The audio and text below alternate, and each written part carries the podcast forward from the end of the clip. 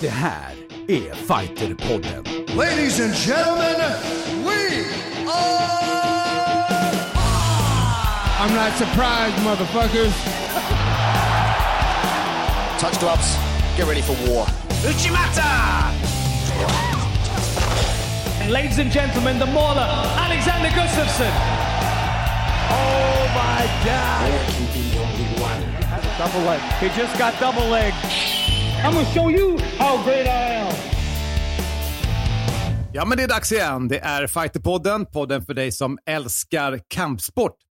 Jag heter Mårten Söderström och den här veckan ska vi prata både om MMA och en hel del boxning och lite grann också om den eh, kommande sommaren kanske. Hallå där, Elin Blad. Hallå Mårten. Allt väl? Det är bra med mig. Kul att ses igen. Ja, det har varit lite uppehåll så vi eh, är tillbaka nu och kör igång. Simon Kölle. Ja, det gör det. Det är du det. Hur mår du? Ja, jag mår bra. Jag, är bra. jag har varit på Superior Challenge, kommenterat och kollat massa kampsport. Jag är hungrig och taggad för en eh, podd helt enkelt. Det ska du få berätta om. Och så välkomnar vi också Johan Haldin till Fighterpodden. Tackar, tackar. Det har varit eh, ganska mycket skriverier och spektakulärt kring boxning. Ska vi börja där egentligen så vi liksom får reda ut det där? Och då tänker jag väl kort bara Simon att du sätter scenen. Vad är det egentligen som har hänt? Varför var just den här fighten som var nu boxning? Och det är flera stycken matcher ska jag säga, men det finns en match som har varit extra uppmärksammad. Vi kanske ska börja med den. Alltså, det är ju väldigt bisarrt, hela det här Logan Paul, eller båda bröderna Paul. Och nu var det ju då Logan som mötte Mayweather och i en uppvisningsmatch helt enkelt, som inte hade några domare. Eh, förutom en eh, domare i buren, då, om man säger så, alltså inga poängdomare. Eh, hade de haft domare, poängdomare så hade det blivit ett antal poängavdrag för Logan Paul. Då. Det sa även eh, ringdomaren eh, flera gånger till honom under matchen. För Vad att hade han det höll, blivit? Ja, förlåt. För att han höll i helt enkelt lite för många gånger. Eh, och jag menar samma sak också med den betydligt roligare matchen som var på samma kort, det vill säga Badou Jack som ju faktiskt gick en kvalificerad match mot en obesegrad kille som hade 15-0. Där var det också väldigt mycket fasthållningar, eller i, de håller i liksom varandra när de blir, inte riktigt kan köra på den nivån. Men åtta ronder i alla fall var huvudmatchen och eh, Mayweather vann väl ganska enkelt alla. Blev träffad några få gånger faktiskt. Men 30 pounds mer, 15 kilo jo. Alltså det är ganska mycket i kampsport. Det är jättemycket och framförallt så Mayweather har ju varit irriterad över att det blev, som han säger, eh, det var han mest imponerad av, det var Logans eh, grapplingförmåga. eh, och, och att han höll honom och det, Ja. ja. som du säger, han är väl liksom eh, rejält mycket tyngre. Så att Ja. det var inte något vidare omdöme om hans Nej, han, är en, han är en brottare också i grunden. Ju. Sen så var det ändå det att det var ju intressant att han faktiskt ändå träffade Mayweather några gånger. Eh, med tanke på att han är så mycket större och Mayweather kunde ju röra sig. Men Mayweather är 44 nu, han har inte kört på ett tag liksom. Och eh, 20 miljoner dollar fick väl åtminstone Logan Paul eh, minst i alla fall av den här matchen. Vilket har rört upp väldigt många i UFC om inte annat. Eh, Francis Ngannou men även många andra som tycker att vad fan är det vi gör fel? Om en sån där lallare kan gå in och tjäna 20 miljoner dollar liksom. Men jag vet inte hur, hur, jag har ju också sett det här och jag vet inte hur mycket vikt man ska lägga vid att Logan Paul faktiskt lyckas träffa Mayweather några gånger, för det är liksom Nej. även blinda hönor hittar ett korn ibland. Det han är, som ni säger, han är så mycket större, han är väldigt mycket yngre och har, är ju uppenbarligen fysad. Så går man in och svingar så till slut kanske man får en träff, men det, det kändes bara som ett så, sånt clownspektakel alltihopa. Det, jag fattar inte hur det kan bli så stort heller. Alltså, nu tittar jag faktiskt på vad Joe Rogan, en annan kille som håller på med podcast, skrev och han hypar det här ganska mycket. Han tyckte ju att det dels var starkt gjort av eh, eh, Logan, att han höll åtta ronder och att han liksom hade konditionen. Och han tyckte det var stort av, av Mayweather att han gick in, eh, med, mötte en större motståndare och så vidare. Och han tyckte att det här var ganska bra. Han var förvånad att det var bra. Men han skriver framför allt att han tycker att det är så jädra smart av Mayweather att liksom förvalta sitt kapital. Han har egentligen en boxningskarriär som är över. Medan den andra kategorin tycker ju så här, varför går du in i det här? Varför håller du på med det här? Vad, vad, vad tänker vi där? Johan? Ja, ja, hans nickname är ju Money. Det är ju det, är ju det han håller på med. Han gör pengar, eh, spenderar pengar och, och tjänar pengar. Så att det var ju länge sedan det handlade om boxning egentligen. Det här är ju ett, Mm. ett sätt för honom att, att eh, skapa en, en persona eh, runt, runt boxning egentligen. Och att de här killarna eh, kliver ombord nu från, från de Youtube-figurerna kliver ombord, hjälper ju honom fortsätta att tjäna pengar och kommer hjälpa andra att tjäna pengar också. Mm. Men det har väldigt, faktiskt väldigt lite med boxning eller kampsport att göra. De kallade det väl för eh, robbery in broad daylight. Som planerades framför allas blickar. Ja, Det, det ligger ju någonting i det. Alltså alla förstod att det här var en ploj pengagrej men ändå, ändå drog det så pass mycket uppmärksamhet att vi sitter här och har spenderat de senaste, he, hela inledningen av podden att prata om det. Ja, men det är så pass stort ändå. Det är väl det att när någonting får sånt gen- sån genomslagskraft. Det, det är många gånger eh, vi som inte kanske är 20 år har liksom kliat oss i huvudet och sagt hur, hur kan den sån här, sånt här fenomen på Youtube eller vad som helst som är helt så här urbota på TikTok eller vad det nu än är ändå få så många liksom att titta på det. Och lite är det ju det som är dragningskraften också. Så att, kan den här unga personen göra det? Alltså det, det är, jag brukar alltid prata om det. I slutändan så är det liksom att det här är, det, det här är nördigt med kampsport till stor del. Även om det är många som inte vill säga det. Och då är från fans perspektiv är det så här, okej Batman ska möta Superman, vem vinner? Okej nu är Batman väldigt gammal, men ska möta då en Superman som ser ut som Superman och han gör nästan det liksom killen. Och eh, ja, vem kommer vinna? Kommer han fortfarande kunna göra allting? Den som tar den stora risken är ju förstås Mayweather på det sättet att förlorar han så blir det ju någon sorts väldigt märklig eh, liksom bläckplump i sitt protokoll alltså i slutändan. Men eh, med det så, de är väl egentligen alla segrare som tjänar så jävligt, jävligt mycket pengar. Ja. Ja, vi kan räkna med att det här kommer fortsätta. Ja. Sen, en viktig sak som jag måste bara påpeka där. Sen är det också det att Mayweather är ju också manager, han har ju också ett team. Så att Badr Jack då som går matchen innan och andra som gick på kortet, det var också en del andra sådana här plojmatcher som var där innan. Men det var också en del seriösa matcher, bland annat Badr Jack. De får ju väldigt mycket uppmärksamhet på, av en sån här grej. Det ska vi inte glömma. Ska vi stanna där bara lite kring Badouiak, bara för att knyta upp boxningen. Det gick ju bra för honom. Han vann ju sin match, eller hur Simon? Ja men absolut. Eh, avsluta på kroppsslag. Och det var ju och det var just det var många fasthållningar och poängavdrag och så vidare, så vidare för killarna mötte som ändå var 15-0. Kom in på ganska kort varsel. Men Badr Jack är ju, han är, han är rankad trea i världen. Gick väl inte upp i ranking skulle jag tro nu. Men han är, han är topp tre i hela världen. Alltså i, i en väldigt tuff, flera viktklasser ska vi säga också. Och det är ju, det är väldigt häftigt att vi har en sån eh, bra, otroligt bra ändå svensk boxare på hög nivå liksom. Men det var väl länge sedan sist Johan, jag vet inte, när, eller har vi haft det ens? Ja, ja, det har vi ju såklart. Vi har ju haft flera su superboxare eh, genom tiderna. Skulle haft Filip med idag, han kan ju det här eh, la, som rinnande vatten. Men, nej, men, Men vem jag- då? Kan du säga någon? Ingo.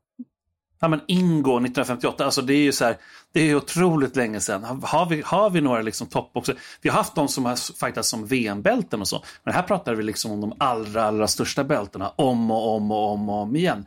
Arman Kranch, absolut i all ära. Det här är något helt annat. Badr Jack är liksom på en helt annan nivå. Absolut, så är det. Och vi tycker väl ibland i den här podden att han får för lite uppmärksamhet med tanke på den prestationen. Det är det som är grejen lite grann med honom.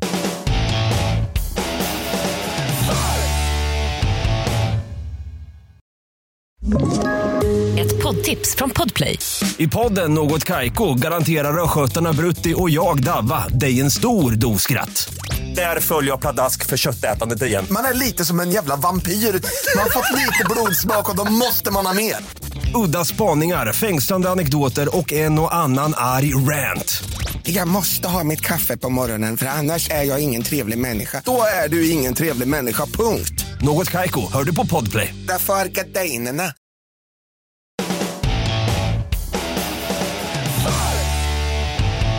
Men om vi släpper eh, boxningen och eh, stannar kvar lite grann fortfarande dåtids. Du nämnde förut eh, Superior Challenge, Simon. Ska vi landa där bara? Dels var du där och kommenterade på engelska. Hur kändes det? Ja. Det känns bra. Det var härligt. Det är alltid skönt att ha Ryan med sig från eh, May Viking. Som ju faktiskt är amerikan på riktigt. Nej, men det var jättekul. Det var, det var jättelite folk där förstås. Efter, med tanke på pandemin och så. Det var lite press och, och folk som jobbade med det och sådär. Och eh, sex matcher bara. Så det var lite skumt. Och så var det en del avhopp innan. Och det var lite så här kontroverser redan innan den här galan. Och eh, jag skulle säga att, för det var både från, från MMA och från frontkick som gick väldigt hårt på Babak Ashti och nu ska inte jag gå ut som någon sorts white knight och liksom skydda honom, han gör det bäst själv. Men det var, det var så här, det kan, jag tycker att man ska få kritisera alla och Johan Haldin har ju varit liksom ordförande för MMA-förbundet. Han vet om det också i allra högsta grad, liksom, eller du vet om det Johan. Men men vad handlade kritiken om? det handlar om, ah, han, han sitter ju nu som ordförande och så sitter han då alltså i förbundet och så sitter han då på största galan. Liksom. Det handlar delvis om att det var en kille som skulle komma in som ersättare eh, och möta Kenneth Berg och då var det, på, det var en person som i sin tur ersatte en annan. Och så det var väldigt, väldigt kort varsel. Och, eh, och, och det innebar att det kom fram att den där killen som skulle hoppa in från Grekland hade blivit eh, först sa de var utslagen, men det var inte, han klappade faktiskt eh, veckan innan. Så det var lite sådär kontroversiellt. Och till- i slutändan så var det så att läkarna godkänner inte. Och Babak sa det, nej men det är upp till läkarna liksom. Det är så här, jag kan inte ta det beslutet. Han säger det, hans team säger det, de säger att det är okej. Läkarna i Grekland säger att det är okej. Vi får ta hit honom och så får vi se om våra läkare säger det. Han fick jättemycket kritik för det. Här sitter du på dubbla stolar. Och sen så passar de på att ge honom kritik för att eh, det, det ska vara en FCR, alltså i eh, eh Jörgen Hammar och deras gala i, i eh, Västerås, ser ut att hamna på samma dag som Superior Challenge. Och FCR, de har redan bett om sanktion. Och det har inte Superior gjort, för Superior brukar bara göra det precis innan. Det är, det är så de alltid har gjort och de kör ofta så. Eh, och då tycker de att det är skitdåligt där. Problemet är när personer, framförallt då från Frontkick och sådär, är väldigt biased. De jobbar ju med FCR. Och de jobbar med Bulldog. Och, de, och sen så kritiserar de, men de gjorde inte samma sak när det, när det hände åt andra hållet. Det är det som är problemet. Alltså det, är, det är väldigt mycket two-face historia här. Tyvärr har vi sett det väldigt mycket och när jag började tänka på det så bara har jag själv gjort det någon gång. Ja, kanske liksom. Men det, det är väldigt mycket så att det är en liten ankdamm och när folk äger de olika sidorna och det finns ägande för olika sajter och olika klubbar och allting. Det är inte bra. Det är jättedåligt, men någonstans måste ju samtidigt pengar komma in och samarbete ske. Va? Så att det, är, det är en komplicerad historia så att, som man bör nyan, se på nyanserat. tänker de som lyssnar nu, alltså man är inte kanske insatt i allt det här. Det var ganska många liksom, termer här utifrån de som är engagerade inom MMA. Vad säger du Johan som har varit ordförande i MMA-förbundet? Känner du igen det här? Det kommer alltid vara så att man hamnar i så kallat delikatessjäv. Jag har ju haft Fighter Magazine eh, och Fighterpodden och, och numera Fighter TV även under den perioden som jag var ordförande. Men när, när jag var med och eh, organiserade för UFCs under min tid som ordförande så gick vi ut sist med de nyheterna på Fighter Magazine. Även om jag hade varit med i organiserat five rounders, femronderna genom Länsstyrelsen och alltså ansökningar och sådana saker så försökte jag verkligen se till att inte hamna i en, i en situation där folk kunde anklaga mig för jäv. Det, det är ju en jättesvår situation såklart. Det är ganska få människor som är engagerade ska säga, idrottspolitiskt i Sverige eh, och i, framförallt inom kampsport. Det är svårt att hitta folk som är engagerade. Så gissningsvis kommer det finnas många av de som är engagerade har event eller klädmärken eller, eller sajter eller vad det nu är. Det kommer tyvärr ofta vara så. Det är svårt att liksom undvika det. I, den, I en sån här situation så, så måste man titta till på, har han på något sätt brustit i det här? Och jag kan inte se vad, vad alltså man kan ju framföra kritik bara, det kan man ju alltid göra, men har han utnyttjat sin, särs, alltså har han utnyttjat sin position? Det tycker inte jag att han har gjort. Nej. Alltså Babak. Det är det, är det som är problemet. att att vissa vill ju vara Ariel Helvani liksom i Sverige och jag menar jag har ju verkligen blivit anklagad för det en gång i tiden, det vet Johan om inte annat. Så att, då, ja, då kanske inte Ariel var så jävla stor, men sen så här, vill du vara Ariel Helvani? Absolut. Men, men eh, och sådär. Och, och tyckte väl att jag var på göteborgarna alldeles för mycket med August och Wallén och allting sånt där. Men någonstans så, så liksom känns det som att dels går tiden vidare så att, och dels lär vi oss ganska mycket och dels har det liksom utvecklats. Och man behöver någon, titta på det, liksom, vilk, vad har man för ingångsvärden, vad är det för perspektiv? Det är så här, ja, polarna kommer klappa dig på axeln och när du har liksom vågat ställa dig då mot ordföranden och varit liksom kaxig. Men sen, det blir lite oseriöst, alltså, jag vet inte, jag känner bara så här, jag, jag, nu vill jag inte skicka för många liksom, salvor vidare här till liksom, Asha och det gänget på, på Frontkick. Va? För jag tycker de är jättemycket bra. Samma sak med Manet med Sebastian. Eh, men men eh, däremot så är det ju det någonstans där det, det är lite identitetskris just nu, tror jag. Fast är det här unikt för kampsport? Jag skulle säga så här, i alla branscher på något sätt, det här att du agerar i egen sak och så vidare, det är ju rätt vanligt alltså. Och att det blir så i det här sammanhanget, ja, nu pratar vi om det för att vi är liksom lite grann i en nisch just nu och pratar om kampsport. Jag håller med dig om att det där är när du väl skrapar på det. Vänta nu, vad, vad, titta först på din egen gård innan du kritiserar liksom, eh, och går på i det här fallet Babak.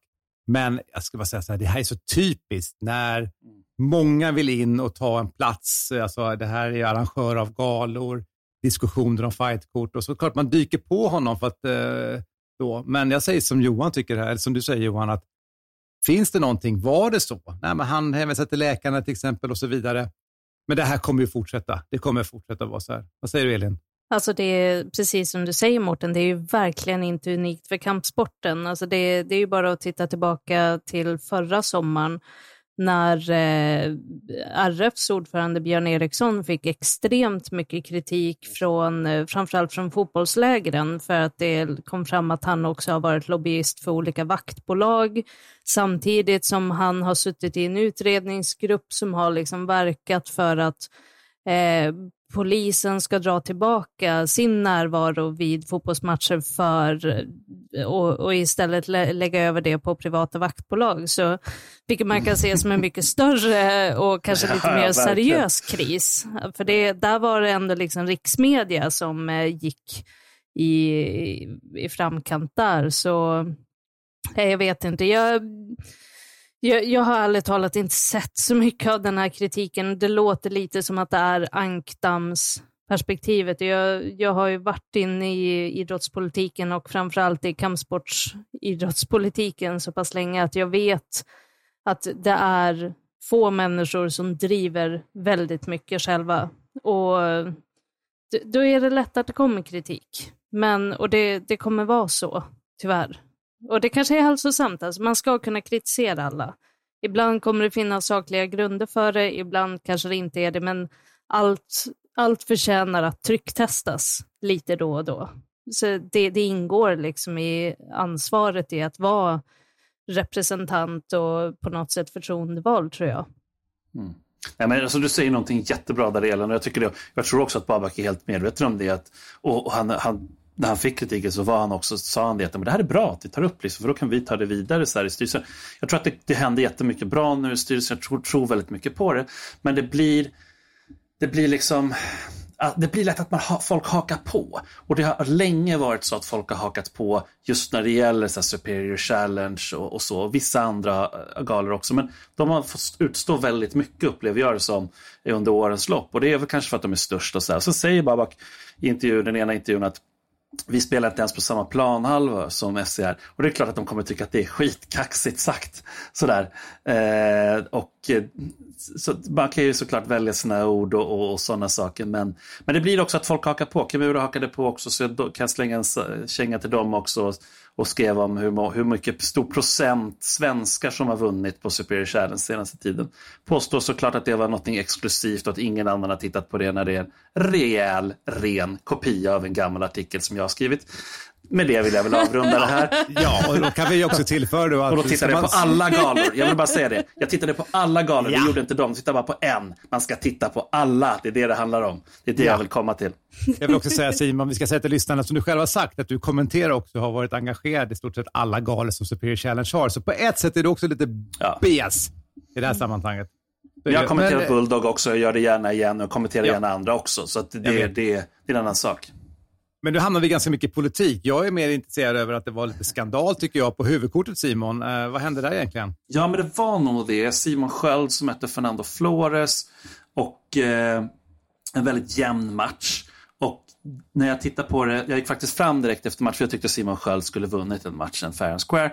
Och eh, så gick jag fram till Måns Nilsson då, som jag tycker är han är troligen den bästa, i alla fall i mina ögon, poängdomaren vi har i Sverige. Så, och jag brukar alltid snacka med honom på galorna, även när jag kommenterar, så springer jag iväg och snackar med honom. Och då sa han ju det att han tyckte liksom att eh, Fernando höll nere honom i andra ronden och då fick inte Simon några signifikanta slag på honom. När det var Simon som var hela tiden var aktiv då när han höll ner, så var lay and pray rent ut sagt. Problemet är bara när vi, jag och Ryan satt och såg det, då ser man ju både i verkligheten, Eh, så att säga, och också på en skärm. Och på skärmen var det ganska tydligt att Simon faktiskt fick in en hel del slag. Och han var verkligen den mest aktiva. Det var mycket svårare att se verkligheten. Så då började jag tänka så här, oj, det kanske faktiskt är så att vi måste titta på det att, att även poängdomare ska ha en skärm framför sig. Det, det är inte jättedyrt liksom att slänga in en skärm till dem så att de kan se ibland närbilder. Uh, jag vet inte. Det har alltid varit sagt att ja, men då tittar de på det och det. Även eh, liksom, eh, kameramannen är subjektiv och så vidare. Vad man visar och vilken vinkel det. Ja, men om de också kan kolla på det i verkligheten. Så jag vet. Jag, jag tror att jag tror att, tycker att det behövs. Gör man så på andra galor? Eh, det händer på vissa. Eh, inte ens UFC kör ju med skärmar på, på alla. Men de har ju kört, gör ju det ibland. Alltså det där är så vi behöver liksom reglera saker över hela världen med IMAF och så, att man tittar på det. Eh, sen kanske det är en kostnadsfråga också Johan, jag vet inte, eh, på smågalor. liksom. Om man, om man har tre, tre kameramän eller fler så är det såklart att, att man kan ha en skärm som man kan hoppa emellan. Eh, det skulle kunna gå att lösa, eh, naturligtvis. Så, så, men det är ju som du säger, det är ju en kostnadsfråga såklart. Eh, så att man kan gå från kamera 1, 2, 3. Jag tänker på det du sa förut, både du och jag har ju kommenterat ganska mycket kampsport Simon. Mm, absolut. Eh, och när du kommenterar, alltså när sitter vi i ringside och kommenterar MMA så måste du fortfarande kolla på skärmen eftersom du ska kommentera det som tittarna ser. Och Det innebär att när vi sitter vid ringside så kan ju de nästan ligga precis bredvid där vi sitter och brottas, men vi vet ju inte om det är exakt där som vinkeln är i kameran. Så tittar man på skärmen så ser man hela tiden det som tittarna sen kommer se. Jag måste säga att det är väldigt ofta när du sitter kommenterar MMA så du tittar både i buren och tittar på skärmen. Och när du kollar på skärmen är det alltid detaljerna som du ser. Det är det som du inte kan se. Alltså när en domare står i vägen eller där du har ryggen. Och det är ofta samma sida där vi sitter som de här domarna som kommenterar de här galorna ser. Så jag tycker det är konstigt ändå att inte man har de här skärmen på plats. Jag skulle säga som du Simon, att i många tillfällen när du sitter och kommenterar och tittar in i buren och tycker att det där var inte så hård träff, så ser du på skärmen sen att den verkligen satt. Eh, så det ligger mycket i det att, att bedömningen eh, blir beroende på om du sitter, om du ska gå in på, i Globen och kolla på en gala där du är väldigt långt ifrån en bur och titta på en match, sen så kollar du på den hemma så är det väldigt olika upplevelser. Har eh, Simon Sköld gått ut själv och sagt någonting om det här domslutet? Har han liksom protesterat mot det eller vad, vad har det blivit någon aftermath på det här? Ja, men han har, han, jag vet inte om han har lämnat in protest, det vet jag. Alltså, det var en jämn match. All cred också till Fernando Flores. Jag vill, det vill jag verkligen bara säga. För att han vågade stå verkligen mot Simon Sköld och gjorde ett jättebra jobb. Så shout-out till Fernando Flores. Det var en jämn match. Liksom. Så det, jag vet inte om det går att protestera så. Men jag tyckte ändå att det var ganska tydligt att det var 2-1 till Simon Sköld. Liksom.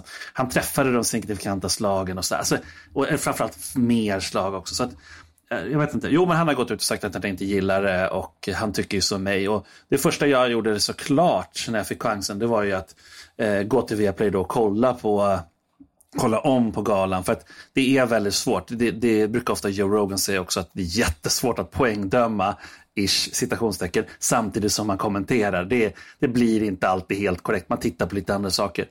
Det är lättare att eh, poängdöma också å andra sidan när man helt kan efterhand sitta och inte inte i, i, i stridens hetta så att säga. Men då när jag kom hem och tittade på det, då, då tyckte jag återigen att Simon Sköld vann. Vad har du för take på det här, Johan? Nej, men eh, när man coachar så tittar man ju på ett sätt naturligtvis. Eh, man, tittar, man ser ju framåt i matchen på ett helt annat sätt. Eh, Medan man som domare, eh, jag har inte dömt jättemycket, men jag har varit poängdomare vid en del tillfällen. Och då, både på K1 och MMA. Och då, och då tittar man ju liksom vad som händer just nu. Eh, just, just i nuet hela tiden och försöker se vem som, eh, beroende på regel, regelverk och sådär, så, så, såklart så bedömer man utifrån det. Men, eh, och om man kommenterar så har man ytterligare en, ett annat sätt eh, att titta. Man kanske inte räknar eftersom man berättar bitvis vad som händer och beroende på vilken roll man har som kommentator såklart. Så att de här de här, det här är lite olika roller, de kräver lite olika fokus naturligtvis. Eh, man ska inte räkna poäng om man är en coach. Det, då, då gör man någonting knasigt, eh, naturligtvis. Och, och, och eh, så att jag tror att man, man får helt enkelt försöka förstå att det är lite olika roller här, helt enkelt. Alltså, det, en, en segway där Johan till det du sa, lite alltså, knasigt och sådär. Jag tycker faktiskt, alltså jag måste bara säga det, en stor shoutout till Valdo Zapata. Jag tycker att eh, ibland hans expertis när han är kommentator nu är, är liksom en klass för sig. Väldigt små detaljer, bra grejer som han säger. Stor shoutout där. Men jag är fan tveksam till honom som coach alltså. Jag är ledsen att säga det. Det var inte bra coachat mot Simon Sköld. Han använde honom som att han körde en joystick. Det var verkligen så här, alltså han talar om nu, overhand, overhand. Så ropade så karate-termer liksom till honom. Det var väldigt mycket så att det var att Simon skulle följa exakt det han gjorde där. Men precis som att det var ett dataspel. Han satt och styrde liksom Simon med en joystick. Nej, det var och det här är inte första gången jag sett det. Det var inte jättebra. Jag är ledsen alltså. Det lät inte bra.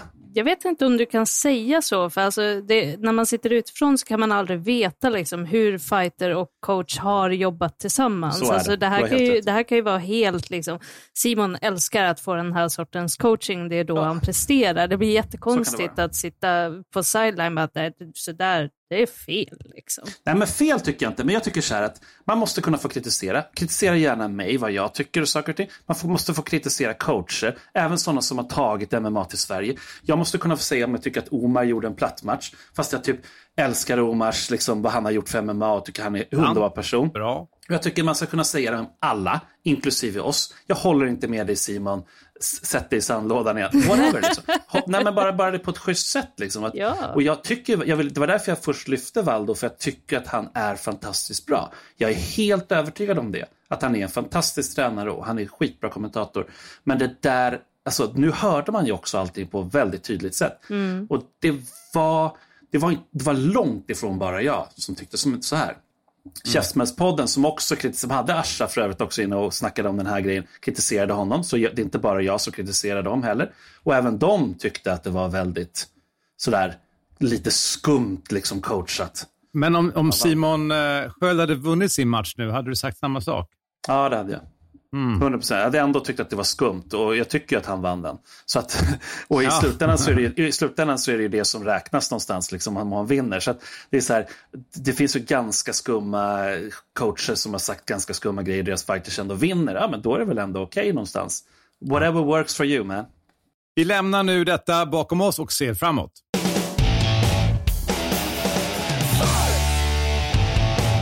Vi ska se framåt mot UFC. Det är 263 som kommer, men vi måste ju börja med ändå. Jag glömde ju här lite dåtid Simon.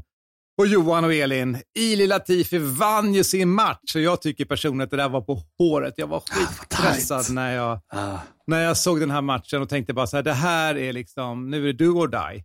Det här är sista gången. Och det jag vill reflektera över är ju, för jag vill säga som många säger, eh, nu kollar jag på de um, amerikanska kommentatorerna på UFC, men alla så här, vi gillar honom, men han kapitaliserar inte på sin position. Och då kan man ta ett exempel. Sista ronden så låg ju Ealer i stort sett hela tiden på sin motståndare och tog inte ens mount. Inte ens sista minuten så gjorde han liksom en riktig ground and pound.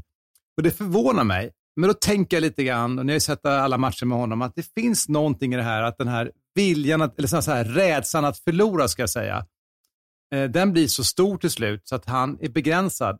För när jag hör många som är på Allstar prata om honom så är han ju, han beskrivs mycket mer levande och kreativ i sin fighting på klubben än vad han får utlopp för i UFC. Är inte det här en mental grej? Där är min fråga till er, mina vänner. Johan Aldin får komma in först. Då. Jag vet faktiskt inte riktigt. Jag tänker att han är ju en, en, en alltså otroligt erfaren eh, brottare och MMA-utövare. Uh, han har gått galet mycket matcher, uh, framförallt i brottning då, under alla år som, som, som ungdom och hela vägen till vuxen. Så jag har svårt att se att det skulle finnas några, alltså den typen av nerver och, och det här blir ju extremt spekulativt. Ja, alltså, vi kan ju bara gissa vad som, vad som försiggår och vad som händer. Jag tror ju att han, att det är en aspekt i det är att han har han går runt med en enorm massa han, han är ju sjukt stark, karln. Och, och eh, det, här, det, är ju, det, är ju, alltså, det är ju en kallas syreskuld helt enkelt. Eh, man gör saker eh, och så ska man syresätta musklerna sen och det är asjobbigt. Eh, det är brutaljobbigt, både på psyket och på kroppen. Så ehm, sparkar och slag och, och, och brottningen, allting kostar. Allting kostar. Ju större man är, desto mer kostar det.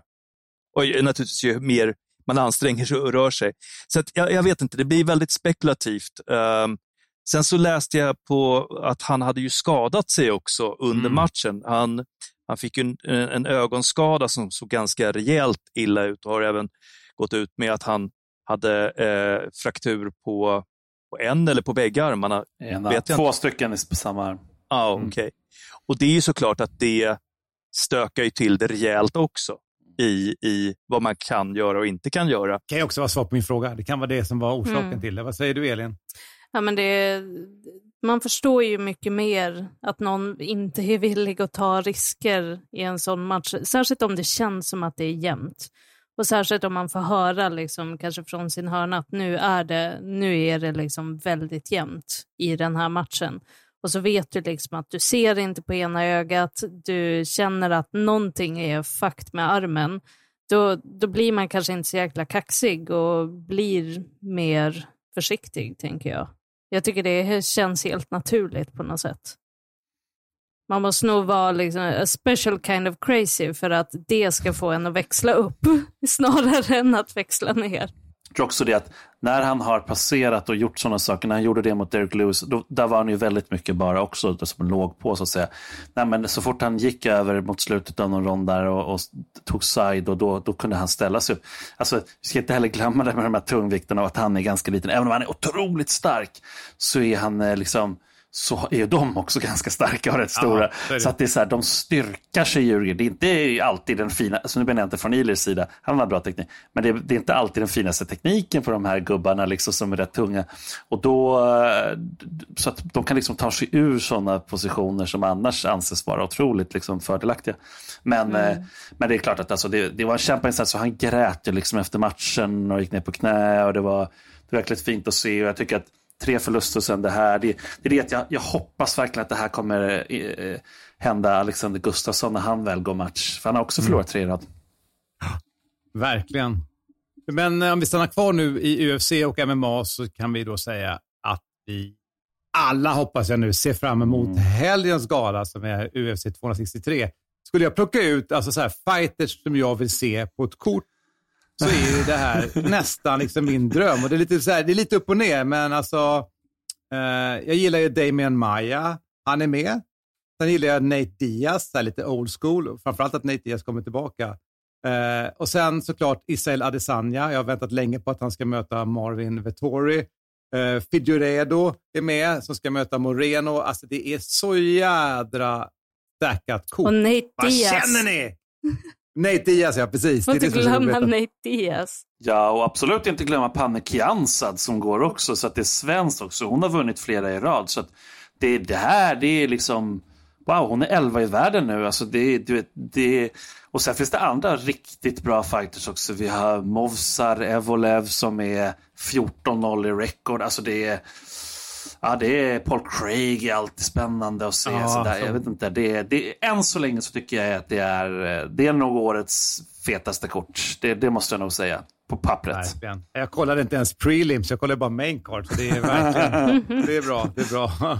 Eller hur? Uh, ja, är det någon det speciell, ska, ska vi, någonstans finns det en, huvud, alltså en huvudmatch här såklart. Ja. Och uh, det är den som är riktigt hypad. Uh, vi pratade ju om Marvin Vettori sist han gick match. Och, mm Alltså han är ju, jag ska säga så här, han har inte varit så diskuterad. Han har varit underskattad kan man säga. Jag tyckte han gjorde en väldigt bra match sist. Och att han möter nu the champ, liksom, Israel Igen. Adesanya. Precis, igen. Igen. Vad, vad tror vi? Vad händer den här gången? Alltså om jag kan börja så det det, Vittori är inte spektakulär. Och det är klart att det, så det kommer kanske inte vara under som galan där säljs mest pay-per-views och sådär. Eh, men han är så svår, han är så jobbig. Titta hur han liksom jobbade mot Jack Hermansson och sist. Och, Och Israel Adesanya, det var, det var delat domslut när de möttes sist. Och ja, Israel kanske inte, det kanske inte borde varit delat domslut. Men det var ändå liksom, det, Israel kommer från en förlust nu. Det är ändå en intressant match av den anledningen. Men Israel Adesanya är nog alldeles för dominant i den viktklassen. Han skulle aldrig varit uppe och hållit på med Jan Blahovic och de grabbarna där uppe. Det här är han så jäkla bra. Mm. Jag, jag tror också att Adesanya, han har liksom haft sin första förlust i MMA nyligen. Han är nog väldigt sugen på att vinna den här matchen också. Mm. Det, förhoppningsvis har det gjort liksom att, att, han, att han är mer motiverad än någonsin. Typ. Ja, alltså jag tror inte att, att uh, Vettori kommer uh, kunna hålla ner honom eller, eller, eller ens nästan ta ner honom. Uh, försöker han stå med Adesanya så, så kommer han ha problem. Adesanya har så jättebra fotarbete så att Mm. jag, jag tror att det blir en jättesvår match för uh, Vettori. Har du några odds att berätta för oss om den här matchen Simon? Det känns ju som att det är ganska överlägset Adesanya som är favoriten här. Faktiskt inte kollat på det. Borde jag kanske göra som eh, har nyligen jobbat för Betsson. inte på det sättet, jag var bara en röst där. Nej, men jag, jag, jag såg väl någonstans att han var tre gånger pengar tror jag, Vittori. Så att, eh, att han skulle vinna mot Israel Adesanya. Och det är väl rim, det känns väl rimligt att eh, han ligger där någonstans. Generellt, och det här vill jag ändå skicka med många som är där ute. För jag vet att mång, det har gått dåligt för ganska många nu under ett år inom betting. Och det har varit, eh, ibland har det gått skitbra liksom för vissa. Men eh, generellt, jag vet att vissa så storspelare har slutat spela på MMA eh, helt. Det är för att de här, det är mindre burar. Det har varit mycket mer random resultat än vad det brukar vara annars. Nej men nu är det inte Apex, så det kanske är en stor arena nu då, så att eh, det är Arizona de ska köra. Så att då kanske det är annorlunda och då, då brukar det ju, ja det, vi får se liksom. Då kanske det är lite lättare att betta och lite mer följsamt. Men, Men, jag ska ja. säga så här, bollen är rund, allt kan hända. Vi får se. Bollen men alltså... är ju hyfsat rund, är även i MMA. Jag vill bara säga så här, när det kommer till UFC-galor, det är inte bara vilka som fightas. Jag vill säga det för min egen del, jag vet att jag är nördig nu. Men det är också här, vilka viktklasser är det som ligger framförallt Ja, på, på huvudkortet. Så här. Och tittar man här så är det ju en grej jag älskar. Så nu har vi en mellan eh, middleweight bout med Mm. Israel Adesanya. Innan den så är det en flyweight. Eh, Och där Mm. går det jävligt fort. Liksom Davison Guredo som ska möta Brandon Moreno. Etta som ska ta... Alltså, där kommer det vara full fart. Mm. Och så tänker man innan det, ja men då har vi en välterviktmatch och där har vi Nate Diaz som kommer in och möter Leon Edwards. Men alltså, Mm. jag kan inte... Ska man välja tre matcher så säger jag det är de där jag väljer. Eller hur? Ja, men det, är, det är väldigt bra. Och här, re, det är två rematches också. Så det är lite grejen nu. De, de, körde ju, de hade ju en oavgjord match sist, alltså Brandon, Brandon Moreno mot Davison Figueiredo. Så det är ju någonting med det och det, det är annorlunda. Jag hoppas att det är publik nu och allting. Ja, det, jag tyckte det för sig var väldigt kul på Superior Challenge, om jag bara ska nämna det superkort. Men i huvudmatchen då när Håkon Foss vann bältet så, så skrek jag verkligen ut så här Oh my god! Och jag menar alla kollade, alltså alla de som var där, även de som jobbade med allting. Så kamerakillen hoppade till lite liksom. Eh, jag verkligen skrek ut det. Och det är så här, då insåg jag, just det, så här kan man skrika när det är van. Alltså, nu är man narcissist typ. När man här du gjorde en innan. alltså, de- remake av, vår, eh, av vår vignett alltså. Ja, det var, ja, ja, ja, det var verkligen så. Men alltså de hade ju en gala som var helt full med människor. Jag, vet, jag förstår liksom inte riktigt vad är det för regelverk de Det var? Florida. I Florida får man göra vad fan man vill. Ja, ah, det är så det är. Okej. Mm. Ja, ja, men eh, det där är som sagt eh, helgen. Eh, Ja, men Det blir kul. tycker vi ska runda av dagens Fighterpodden. Ja. Men tanken är också att vi tar lite sommaruppehåll nu. Mm. Så att vi kommer inte efterkommentera, så att då får ni läsa på Fighter Mag eh, och eh, annars gå in och kommentera på eh, Simon Kölles Instagram kanske, något annat om man vill kommentera. Ni är välkomna, gör Så det. att, eh, vi tar lite paus nu och åker tillbaka till eh, hösten. Ska vi ha eh, vilat upp oss lite grann. Så att, eh, till dess eh, tackar vi Elin Blad för idag. Tack så mycket. Johan Hallin, Tack, tack och trevlig sommar på er. samma. Och Simon Kölle. Oh my god! Ja. Tack, tack. Ha det- ha det gott. Och jag heter Mårten Söderström och du når oss på fighterpodden at fightermag.se. Med det ska jag försöka lyckas och synka och tacka för idag, så det blir en sån här.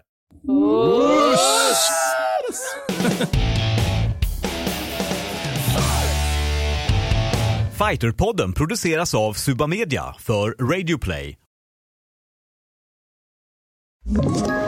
Ett poddtips från Podplay. I fallen jag aldrig glömmer djupdyker Hasse Aro i arbetet bakom några av Sveriges mest uppseendeväckande brottsutredningar. Går vi in med hemlig telefonavlyssning och, och då upplever vi att vi får en total förändring av hans beteende. Vad är det som händer nu? Vem är det som läcker?